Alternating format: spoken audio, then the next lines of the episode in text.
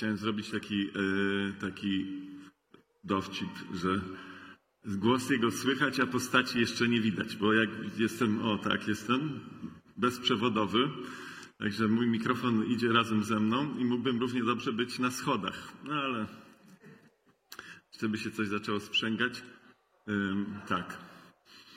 Yy, witam nas wszystkich serdecznie w ten yy, niedzielny poranek, yy, gdzie za dwa tygodnie mniej więcej będziemy siedzieć przy wigilijnych stołach. I, i wiemy, że to, to jest niezwykła okazja, niezwykły powód, dla którego siadamy przy tych stołach. To są urodziny kogoś wyjątkowego. Natomiast wydaje się, że wydaje się, że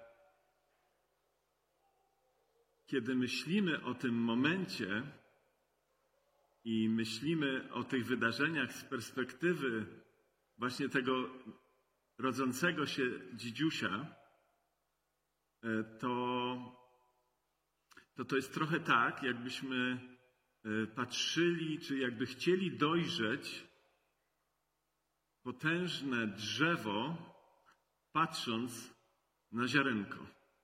Oczywiście, jeśli ktoś jest wytrawnym biologiem, to prawdopodobnie patrząc na ziarno jest w stanie zgadnąć i ocenić, co to za drzewo z tego ziarna wyrośnie.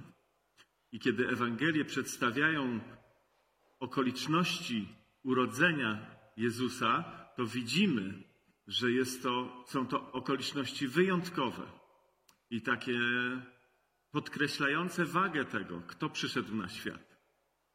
Niemniej jednak chciałbym nas dzisiaj zaprosić raczej, raczej do tego, żeby patrzeć na Jezusa nie w tym momencie właśnie narodzin, ale raczej patrzeć na moment, w którym możemy się przyglądać temu dojrzałemu drzewu, jego liściom, jego wielkości, jego wspaniałości i dlatego sięgniemy w tym celu po trzy, właściwie dwa, trzy rozdziały z Ewangelii Mateusza, które dzieją się wtedy, kiedy ten Jezus, którego narodziny będziemy świętować, ma już ponad 30 lat i jest w, takim momencie szczytowym, jeśli chodzi o jego służbę tutaj z nami na ziemi. To są rozdziały od 9 do 11 Ewangelii Mateusza. I to są e, szczególne rozdziały, dlatego że w tych rozdziałach e, słyszymy Jezusa nie możemy go za bardzo oglądać, bo te rozdziały są pełne słów Jego, w przeciwieństwie do poprzednich rozdziałów, które przeplatają. Jest, jest taki wzorzec, że w poprzednich rozdziałach jest opisywane to, co Jezus robił, kilka historii, uzdrowienie tego, uzdrowienie tamtego, yy, i potem jakieś spotkanie i słyszymy, co Jezus mówi. I potem znowu jedna historia, druga historia, trzecia historia i znowu. I tak to się powtarza. Dlaczego? Dlatego, że żeby poznać kogoś, to potrzebujemy go zobaczyć, przyjrzeć się jemu i potrzebujemy jego usłyszeć. Ale te rozdziały są szczególne, dlatego że to są rozdziały, w których Jezus mówi coś do swoich uczniów. I te rozdziały są zamknięte w pewnego rodzaju klamrę. Ta klamra to, jest, to są wersety z dziewiątego rozdziału i potem z jedenastego. I przyjrzyjmy się tej, tej klamrze. Otóż yy, ta klamra yy, opisuje tak naprawdę, bo, bo całe, całe te rozdziały są, są tym, co Jezus mówi do uczniów, kiedy ich wysyła. Dwunastu uczniów wysyła. Natomiast zanim to zrobi, mówi do nich słowa, które pomagają nam zrozumieć, po co ich w ogóle wysyła, dlaczego on ich wysyła. I, i potem y, słyszymy też jego taką zachętę do tego, e, aby, aby ci, którzy, e, ci, którzy są adresatami tak naprawdę zarówno jego służby, jak i służby apostołów, żeby przyszli do niego. I też widzimy tu coś, co pomaga nam zrozumieć tak naprawdę, co Jezus ma w swoim sercu, kiedy robi to, co robi. I kiedy przyglądamy się tym, e, tym, tym fragmentom, to widzimy, że występują tam trzy grupy ludzi. Są to ludzie, do których Jezus jest posłany i do których Jezus zwraca się z takim zaproszeniem: przyjdźcie do mnie. Przyjdźcie do mnie. Widzimy tu ludzi, którzy przyszli do Jezusa i poszli za nim. I do tych Jezus ma inne słowa, inne treści, inne instrukcje. I widzimy wreszcie tych, którzy nie chcą przyjść do Jezusa. I wszystkie te trzy grupy gdzieś w tym fragmencie się przeplatają i będziemy szukać po to, żeby poznać tego właśnie Jezusa, tego, to, co On naprawdę ma do nas do powiedzenia, przyglądając się właśnie tym, co mówi do każdej z tych grup. A wiemy, że wszyscy, którzy tu siedzimy i słuchamy przez, przez, e, e, przez internet, gdzieś w którejś z tych grup na pewno się znajdujemy w tej chwili. To nie jest powiedziane, że musisz zostać w tej grupie, w której jesteś, ale gdzieś na pewno jesteś. Ciężko znaleźć inną grupę, w której mógłbyś się w tej chwili znaleźć. Dlatego chciałbym, żebyśmy przyjrzeli się, co Jezus mówi do każdej z tych grup i zaczniemy od tej grupy, która wydaje się być tutaj najważniejsza. To jest grupa, y, gdzie Jezus mówi do nich y, w dziewiątym rozdziale, y, wypowiada takie, takie słowa. W ten sposób Jezus obchodził wszystkie miasta i wioski, nauczał w miejscowych, w miejscowych synagogach, głosił dobrą nowinę o królestwie i uzdrawiał wszelkie choroby i wszelkie niedomagania. A gdy zobaczył tłumy, wezbrała w nim litość nad nimi, bo były udręczone i porzucone jak owce bez pasterza. I zwrócił się do swoich uczniów: Żniwo wprawdzie wielkie, lecz robotników niewielu. Proście zatem Pana żniwa, aby przyspieszył wyjście robotników na swoje żniwo. Kiedy wcześniej w Ewangelii czytamy o tym, w jaki sposób Jezus żył i w jaki sposób, co Jezus robił tak naprawdę, na czym był skupiony, to widzimy Jezusa, który jest skupiony na tych wszystkich ludziach i ich potrzebach, którzy, którzy go otaczają. I kiedy mówi: Przyjdźcie do mnie, i ci ludzie przychodzą do niego, to nikt z nich nie odchodzi z kwitkiem. Nikt z nich nie odchodzi ze swoją potrzebą niezaspokojoną. Wszystkie potrzeby są zaspokojone. Dlatego jest podkreślone, że Jezus uzdrawiał wszelką chorobę i wszelkie niedomaganie. Po prostu z czymkolwiek ludzie przychodzili do Niego, doświadczali tego, że On może. Że On może i że On chce. Nie tylko, że On może, ale On może i chce. Dlaczego? z tego samego powodu, dla których czytamy w tym fragmencie, że kiedy Jezus zobaczył tłumy, zobaczył tą dezorientację w nich, zobaczył tą bezradność ich, to wezbrała w nim litość. I możemy przez ten fragment zaglądnąć do serca naszego Pana, tego, co w nim jest tak naprawdę, dlaczego on przyszedł z jakim poselstwem, czy z, z, z jakim celem on przyszedł tutaj na ziemię. i widzimy go jako tego, który przyszedł jako nasz ratunek, jako nasza pomoc, jako nasz zbawiciel. I widzimy go jako tego, który lituje się nad tymi tłumami i jednocześnie widzi, że on sam, będąc w ludzkiej postaci, nie jest w stanie dotrzeć zarówno z poselstwem Ewangelii, czyli z wiadomością o nim samym do wszystkich, którzy tam mieszkają, ale też nie jest w stanie zaspokoić ich potrzeb. I to jest powód, dla którego za chwilę zobaczymy, że wzywa swoich uczniów. Wzywa ich dlaczego? Tu jest to wyraźnie napisane. Zwrócił się do swoich uczniów: Żniwo wprawdzie wielkie, ale robotników mało. Jest to czas, yy, czas zbierania żniwa. Co to za żniwo? To żniwo tych, którzy przyjdą do Niego. To żniwo tych, którzy przyjdą do Niego ze swoim życiem, ze swoimi słabościami, ze swoimi grzechami przede wszystkim, nawet ze swoimi e, ze, swoim, e, ze swoją fizyczną słabością i mają doświadczyć tego, że On jest rozwiązaniem, odpowiedzią na wszystkie te ich problemy.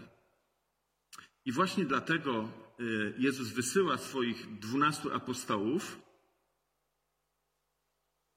I właśnie też dlatego, kiedy, kiedy już wszystkie słowa zostały wypowiedziane, kiedy już wszystkie instrukcje zostały wypowiedziane, widzimy Jezusa z kolei w 11 rozdziale, w 35 wersecie, w takiej sytuacji znowu pewnego rodzaju wzruszenia.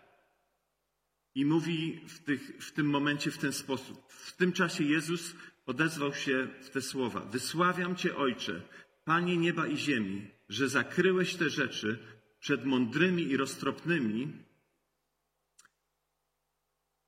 a objawiłeś je ludziom o dziecięcej prostocie. Tak, Ojcze, uczyniłeś, gdyż takie było Twoje życzenie. Wszystko zostało mi przekazane przez mojego ojca i nikt oprócz ojca nie pojmuje, kim jest syn, nikt też nie pojmuje, kim jest ojciec, jak tylko syn oraz ten, komu syn zechce to objawić. Przyjdźcie do mnie wszyscy, spracowani i przeciążeni. Ja wam zapewnię wytchnienie. Weźcie na siebie moje jarzmo, uczcie się ode mnie, że jestem cichy że jestem że, ode mnie łagodności i pokory serca, a znajdziecie ukojenie dla swoich dusz, gdyż moje jarzmo jest wygodne, a moje brzemię lekkie. Jezus widzimy, jak, e, jak w tym całym, w tej całej masie potrzeb, która go otacza, które wychodząc naprzeciwko tym potrzebom,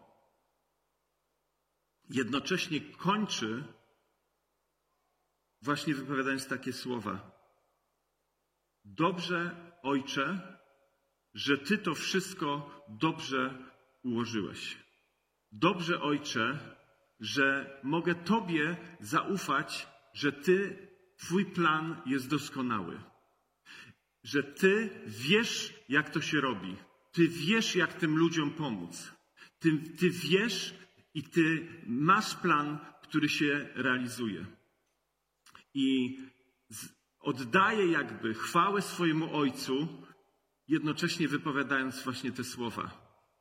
Dobrze, że ty zakryłeś te rzeczy przed tymi, którzy są dumni, wydaje im się, że wiedzą, ale otworzyłeś to przed tymi, którzy z pokorą przychodzą i mają dziecięcą łatwość, taką, taką gotowość do tego, żeby przyjść.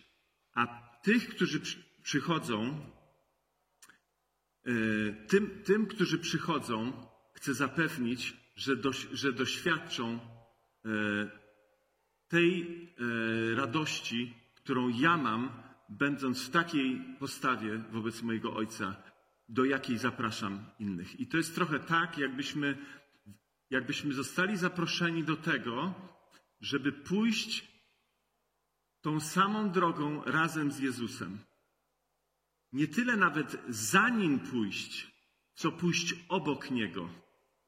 Jezus mówi: Przyjdźcie do mnie i uczcie się ode mnie. Uczcie się mojej łagodności e, i uczcie się mojej pokory.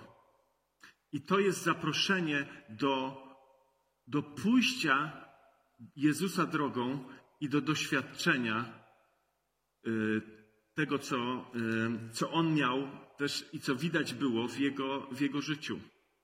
Ten taki spokój, ten, tak, tą taką pewność każdego kroku, który stawiał. To takie nieszamotanie się, będące owocem Jego poddania się Ojcu i tej Jego pewności tego, że każdy krok, który stawia, jest zgodny z, z wolą Jego Ojca. I to są też słowa, które możemy usłyszeć my, jeśli jesteśmy tymi, którzy potrzebują w jakiejkolwiek sprawie przyjść do Niego. Więc usłyszmy te słowa, ponieważ to są słowa, które mm, obowiązują ponad czasem. One obowiązywały wtedy i obowiązują też dzisiaj. Przyjdź do Niego ze wszystkim, co sprawia, że jesteś y, obciążony, y, czy zapracowany, przepracowany. I, I ucz się od Niego. I ucz się od Niego tego, co sprawiło, że on mógł wykonać wszystko, co było mu nakazane i dokonać tego dzieła w takim stylu, w jakim to zrobił. Właśnie dzięki łagodności i dzięki e, pokorze. Teraz ci, którzy poszli za nim, do tych zaczyna e, właściwie tu jest nie tyle jego słowa, co to, co zrobił. E, w dziesiątym rozdziale od pierwszego wersetu czytamy i przywołał Jezus swoich dwunastu uczniów i dał im władzę nad duchami nieczystymi, aby je wyganiali i uzdrawiali wszelką chorobę i wszelkie niedomagania. I jak przyjrzymy się tym słowom w kontekście tego, co słyszeliśmy jak opisana została Jezusa służba, to co Jezus robił, to widzimy, że oni dostali od Jezusa to, co umożliwi im zrobienie dokładnie tego samego, co, co robił On. Czyli te same słowa, które były wypowiedziane, w, w, w, jeśli chodzi o Jezusa, że On uzdrawiał wszelką chorobę i wszelkie niedomagania, im zostało dane, aby oni mogli zrobić to samo. Dlaczego? Lubił ich po prostu jakoś tak szczególnie, tych dwunastu. Może to byli jacyś wyjątkowi ludzie. Wiemy, że jeden był wyjątkowy wśród nich, bo kiedy później są wyliczeni, to jednym z nich był Judasz. Więc dlaczego Jezus daje im taki autorytet. Mówi, daję wam autorytet, abyście wyganiali demony, abyście leczyli każdą chorobę i każdą niemoc. Dlaczego on to robi? Dlatego, że żniwo jest wielkie, ale robotników mało. Dlatego, że w jego sercu są ci wszyscy ludzie, który, nad którymi on się tam ulitował wcześniej. I dlatego on im daje tą moc, żeby oni mogli zanieść tamtym ludziom właściwy wizerunek Jego, który przychodzi jako Mesjasz i Zbawiciel. Dlatego daje im to, aby ich słowa były słowami, które mają w sobie taki ciężar wiarygodności. Dlatego wysyła ich w tym samym autorytecie, który sam posiada. I robi to nie dla nich, nie po to, żeby oni potem y, myśleli sobie, ale ja to jestem jednak ktoś, nie? Ja takie rzeczy robiłem. Nie. Dlatego, że jest taka potrzeba. Dlatego, że ci ludzie, którzy tam są, te tłumy, ci ludzie w tych wioskach, oni tego potrzebują, żeby nie tylko usłyszeć, ale zobaczyć moc Zbawiciela.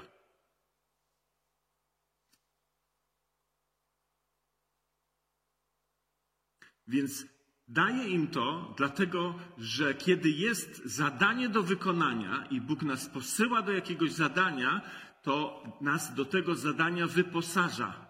Nigdy nas nie wyśle gdzieś, gdzie mamy o własnych siłach jedynie wykonywać to zadanie. Ale kiedy nas posyła, to daje nam też wszystko, co jest potrzebne, wyposażenie do tego zadania. Dlatego dał im ten autorytet, kiedy ich tam wysyłał.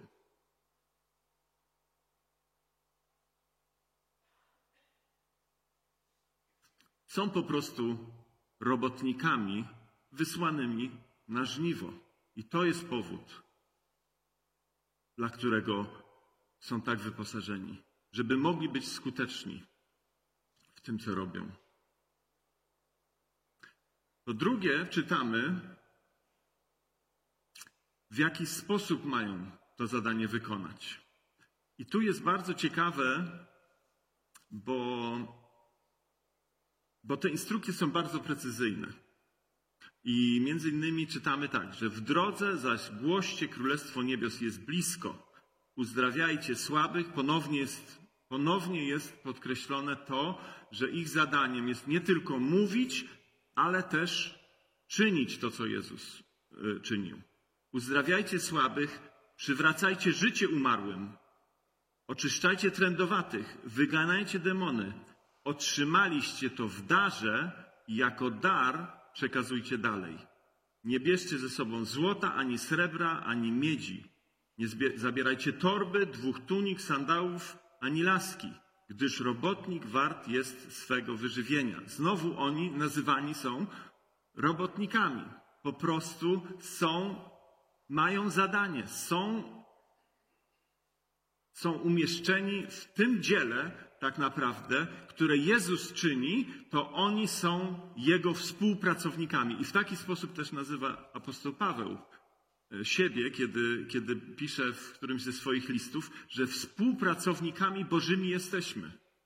Bo to jest Jego bój. Tak jak śpiewaliśmy. To jest Jego bój. A my jesteśmy umieszczeni jako robotnicy w tym dziele. Dlaczego?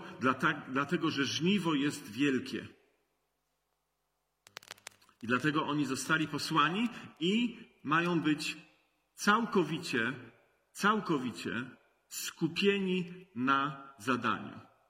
Mają się o nic nie martwić, jak tylko o to, żeby to zadanie zostało spełnione. Więc Jezus im zabiera jakby wszelkie ludzkie sposoby zabiegania o swoje życie. Mówi, nie macie mieć pieniędzy ze sobą, nie macie mieć nic, co mogłoby was w jakiś sposób e, wesprzeć. Macie, macie zadanie, i macie tych ludzi, do których zostaliście posłani. I ci ludzie, do których zostaliście posłani, oni mają zaspokoić wasze potrzeby. I jak wejdziecie, i to jest ciekawy tam taki, taki fragment, yy, nie ma tego na slajdzie, ale dalszy ciąg jakby tego, tego właśnie tekstu mówi o tym, w jaki sposób ma ich służba przebiegać. Że jak wejdą do jakiegoś miasta, mają znaleźć kogoś, kto ich przyjmie. Tam jest opis, określony, że jeśli znajdzie się tam ktoś godny, to ciekawe, prawda? Co to znaczy, że godny? Tak naprawdę to chodzi o to, że znajdzie się ktoś, kto, kto ich przyjmie do swojego domu i pozwoli im tam zostać. I ten człowiek jest nazwany człowiekiem godnym. I jeśli znajdzie się ktoś taki, to macie tam być tak długo, jak będziecie w tej wiosce czy w tym mieście, i stamtąd macie mówić to wszystko i robić to wszystko, co, co wam e, przykazałem. I kiedy sobie pomyślimy i spróbujemy, jakbyśmy przenieśli jakby tamte środowisko do naszych czasów, pomyślmy, w każdym, w każdym, w każdej wsi, prawda? W każdym, no, w mieście to już trudniej, bo to tak naprawdę miasto to jest, to jest zbiór takich różnych sieci powiązań, relacji. I w każdej z tych siatek powiązań i relacji Pan Bóg chce znaleźć jedną osobę, od której może się zacząć głoszenie Ewangelii. I oni szli do, takiego, do, takiego, do takiej wioski i ktoś ich przyjmował. I jak ktoś ich przyjmował, to Ewangelia zaczynała się rozprzestrzeniać. Bo ten człowiek miał kolegę tego, a on był sąsiadem tamtego i tak dalej, i tak dalej. I wieś jakby była w takim miejscu, w którym mogła yy, usłyszeć i doświadczyć tego, kim jest Jezus, o którym oni mówili. Ale tylko wtedy, tylko wtedy, kiedy znalazła się taka osoba. Jeśli takiej osoby by nie było, to oni mieli, y, mieli po prostu wyjść z tej wioski. Tam jest taki gest, który można różnie, roz, ten, że mają strząsnąć nawet swój popiół, y, popiół ze swoich stóp y, i, wyjść. To jest symbol tego, że nie chcieliście nam dać nic, bo oni nic nie mieli. Oni mieli tylko Ewangelię. I oni musieli ich gościć, więc musieli ich przyjąć, musieli zapewnić im no, jedzenie, spanie. Nie chcieliście nas przyjąć, nie chcieliście nam dać. Nie dostaliście też, nie, nie dostaniecie tego, co my do, do, Was przynieśliśmy i my nic od Was nie chcemy. Czyli nawet tego, tego kurzu nie bierzemy. Nic po prostu nie bierzemy od Was. I idziemy dalej. I niestety jest tam podkreślone, że to grono ludzi minęło się, minęło się z, y, z Ewangelią.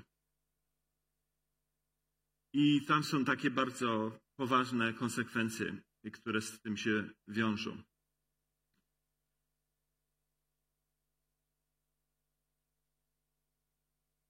A zatem apostołowie mają być skupieni na zadaniu i całkowicie zależni od zadania i całkowicie oddający się w zależność tym, do których zostali posłani. Dlaczego? Może dlatego, żeby żeby gdzieś uświadomili sobie tak naprawdę, że to ci ludzie są ważni. Że ci ludzie są ważni, że, że, że Pan Bóg troszczy się o każdego z tych ludzi. Więc nie mieli być, nie mieli być e, jakby sami w sobie, e, na sobie polegający, ale mieli być. E, no więc po co w ogóle posyłać taką owcę między wilki. O czym to ma mówić? Ma mówić o tym, że cała ich siła, że całe, całe nasze zaopatrzenie pochodzi od Niego. My słabi. On jest naszym Zbawicielem. On jest tym, który nas będzie wyrywał. I jest tu zachęta do tego, żeby być mądrymi, tak? Posyłam was jak owce między wilki, bądźcie zatem przebiegli jak węże i niewinni jak gołębie. Strzeżcie się natomiast ludzi, gdyż podawać was będą do sądów, biczować w swoich synagogach. Z mojego powodu postawiam was też przed namiestnikami i królami na świadectwo dla nich oraz, oraz dla narodów. Ale gdy was wydadzą, nie martwcie się, jak i co macie mówić. W odpowiedniej chwili zostanie to wam dane. Nie wy bowiem będziecie mówili, przemawiać przez was będzie duch waszego Ojca. A zatem oni mają być bezsilni.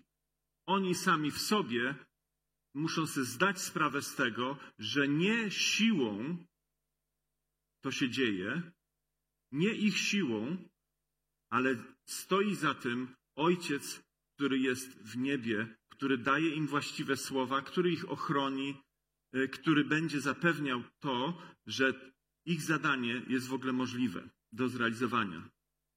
Kiedy patrzymy na historię Kościoła, to możemy, możemy widzieć, że, że w, w którymś momencie Kościół z takiego właśnie, z takiej właśnie owcy, która przychodziła z Ewangelią do ludzi i mia nie miała za sobą żadnej siły, miała tylko Ewangelię, stał się kościołem, który stał się silny.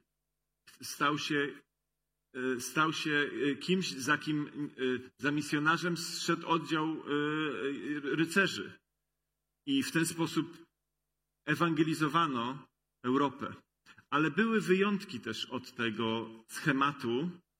I jednym z takich wyjątków jest człowiek, który pochodził z Irlandii. Nazywa się znany jest w historii jako Kolumban Młodszy. To jest rok 615 mniej więcej. I ten człowiek przybył z Irlandii do Europy, gdzieś tam właśnie w, ty, w tych okolicach, i było ich dwunastu podobno. Nie mieli nic poza Ewangelią. I przyjechali do Europy i podróżowali z miejsca na miejsce, i w, w konsekwencji po prostu bycia z ludźmi, to, co wiemy z historii, to to, że ten człowiek był z ludźmi i to absolutnie mu było obojętne, czy tym człowiekiem będzie panujący akurat tam jakiś król czy książę, czy wieśniak, który, którego odwiedził przechodząc przez, przez jakąś tam puszczę. On wiedział, że Ewangelia jest dla każdego i nie robił żadnej różnicy między jednym a drugim. Jednemu i drugiemu potrafił wygarnąć dokładnie tak samo. I ten człowiek pod koniec swojego życia miał dorobek taki, że on plus tych jego dwunastu przyjaciół założyli chyba cztery klasztory e, na terenie, na terenie e, Europy. Jeden z tych klasztorów to jest klasztor w Bobbio, tak, tak się nazywała ta miejscowość. E, I takie ciekawe, czy człowiek mający nic do dyspozycji, będący owcą, mający tylko Ewangelię, co może zdziałać?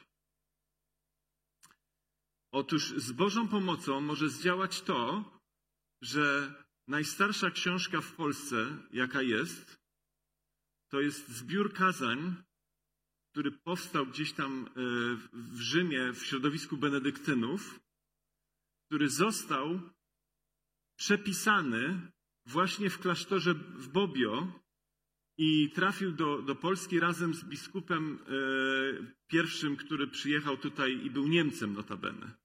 Więc okazuje się, że ten klasztor, który założył ten człowiek, jest jednym z najważniejszych klasztorów we, we wczesnym średniowieczu. I on zrobił to bez niczego, po prostu mając tylko i wyłącznie pewność i Boga za sobą. I po tym, jak on umarł, ludzie, którzy byli zainspirowani jego chrześcijaństwem, założyli kolejne takie ośrodki, i tych ośrodków jest kilkadziesiąt.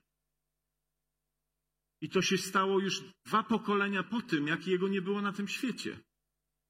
To jest przykład owcy, która wiedziała, że nie musi być wilkiem, nie musi mieć siły żadnej za sobą, żeby wykonać zadanie. I właśnie takimi mieli być, mieli być uczniowie, polegający na tym, których po, pośle, a nie na sile, nawet na sile jakichś argumentów. E, I po czwarte, Jezus mówi do tych, którzy poszli, zapewniając ich, e, że nie muszą się bać, albo inaczej, nie powinni się bać. Strach to nie jest coś, y, co moglibyśmy sobie zadecydować, po prostu nie będę się bał. Jest taka, taka, taki typ osobowości, gdzieś tam y, się do, do, doczytałem, że, że nazywa się dyso, dysocjalna. I to jest osobowość, która nie odczuwa żadnego lęku. Tylko, że to jest E, tylko że to jest problem. To, to nie jest coś dobrego, to nie jest coś zdrowego. Ta osoba nie odczuwa lęku, nie odczuwa też wstydu i przez to jest zdolna do bardzo, bardzo e, rzeczy złych dla innych. Strach jest czymś całkowicie naturalnym, a jednocześnie czytamy tutaj Jezusa e, słowa, który mówi, aby się nie bać tylko bać. Nie możemy i nie powinniśmy e, próbować wyrzucić strachu ze swojego życia. On powinien być obecny, natomiast powinniśmy zrozumieć tak naprawdę, gdzie jest zagrożenie, w którym miejscu jest to, co nam grozi. I słowa Jezusa są takie: Nie bójcie się tych, którzy zabijają ciało, lecz duszy zabić nie są w stanie. Bójcie się raczej tego, który może duszę i ciało zgubić w miejscu wiecznej kary. Czy dwóch wróbli nie sprzedaje się za Asarona? Przecież, a przecież z woli waszego ojca ani jeden nie spada na ziemię. Wszystkie wasze włosy są policzone. Przestańcie się więc bać.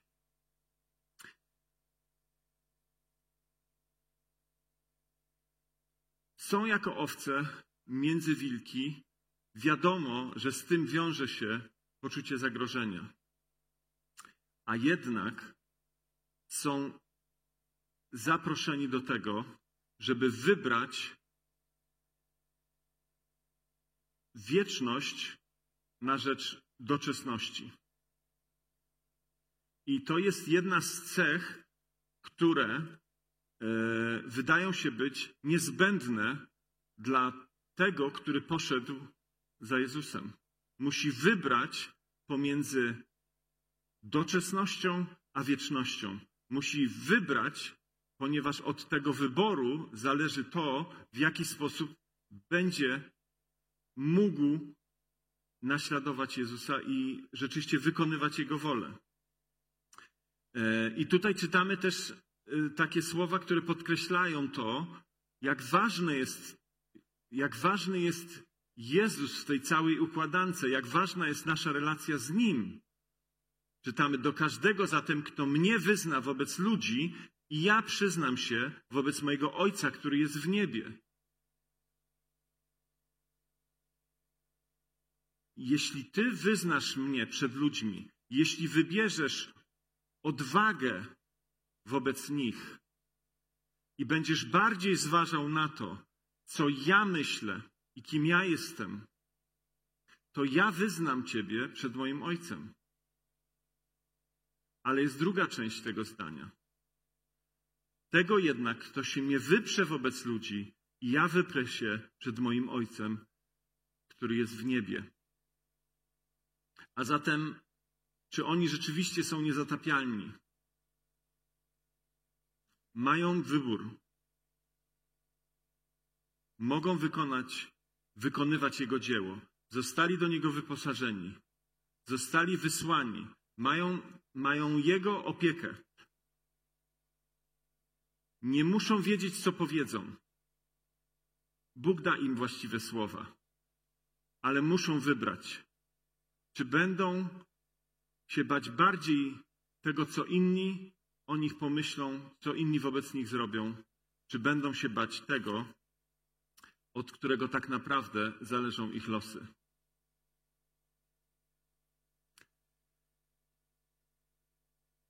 I wreszcie przychodzimy do tej grupy ludzi, którzy są opisani jako ci, którzy nie chcą przyjść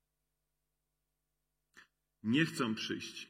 I jeśli jesteś w tej grupie, to będziesz coś musiał zrobić z Jezusem.